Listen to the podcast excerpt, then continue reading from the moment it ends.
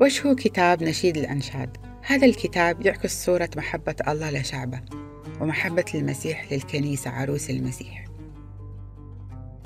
في هذا الكتاب يدور حوار بين العريس سليمان الملك وعروسته شومليث. ومن أشهر الآيات من كتاب نشيد الأنشاد هذه الآية أنا لحبيبي وحبيبي لي. وكان هذا الكتاب يقرأ في اليوم الثامن من الاحتفال بعيد العبور. لما عبروا شعب الله اللي هم اليهود البحر الأحمر والرب شق لهم الطريق وصار يابسة. كانوا يحتفلوا بمحبة الله إليهم وكانوا ينشدوا بنشيد الحب الأبدي من قبل الله. والسبب أنهم كانوا يحتفلوا في اليوم الثامن لأن رقم ثمانية عند شعب اليهود يعني حياة جديدة.